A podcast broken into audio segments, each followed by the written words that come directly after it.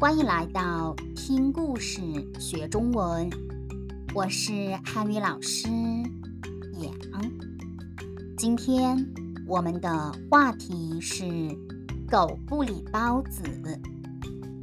包子 （steamed stuffed bun），狗不理包子。The name of the bun is 狗不理。You can watch videos on YouTube. You can also support me on Patreon and get more related exercise. Slow speed. 你去过天津了吗？天津 is a city of China. 你去过天津了吗？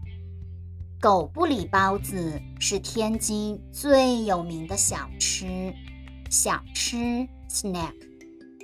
狗不理包子是天津最有名的小吃，它已经有一百多年的历史了。以前，这家包子店的主人叫高贵友，主人 the owner of the shop。这家包子店的主人叫高贵友，高贵友 is the name of the owner。这家包子店的主人叫高贵友，小名叫狗子。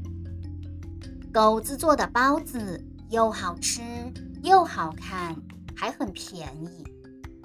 店里的顾客太多了，顾客 customer，店里的顾客太多了，他忙极了，只好让顾客把钱放在桌子上。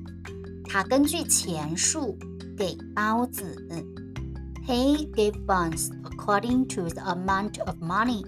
他根据钱数给包子。因为太忙，他没有时间跟顾客说话。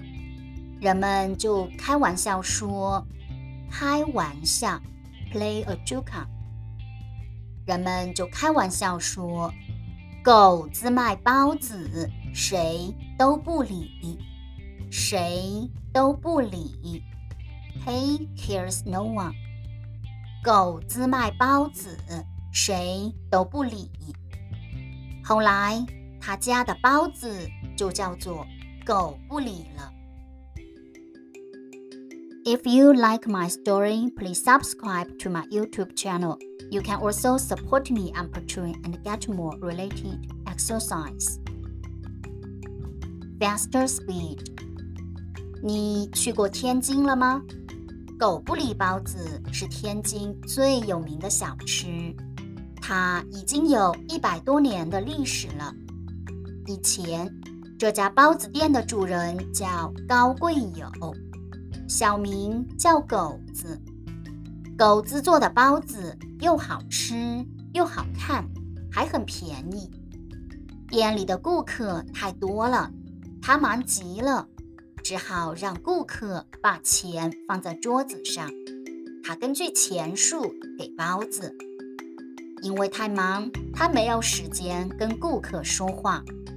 人们就开玩笑说：“狗子卖包子，谁都不理。”后来，他家的包子就叫做“狗不理”了。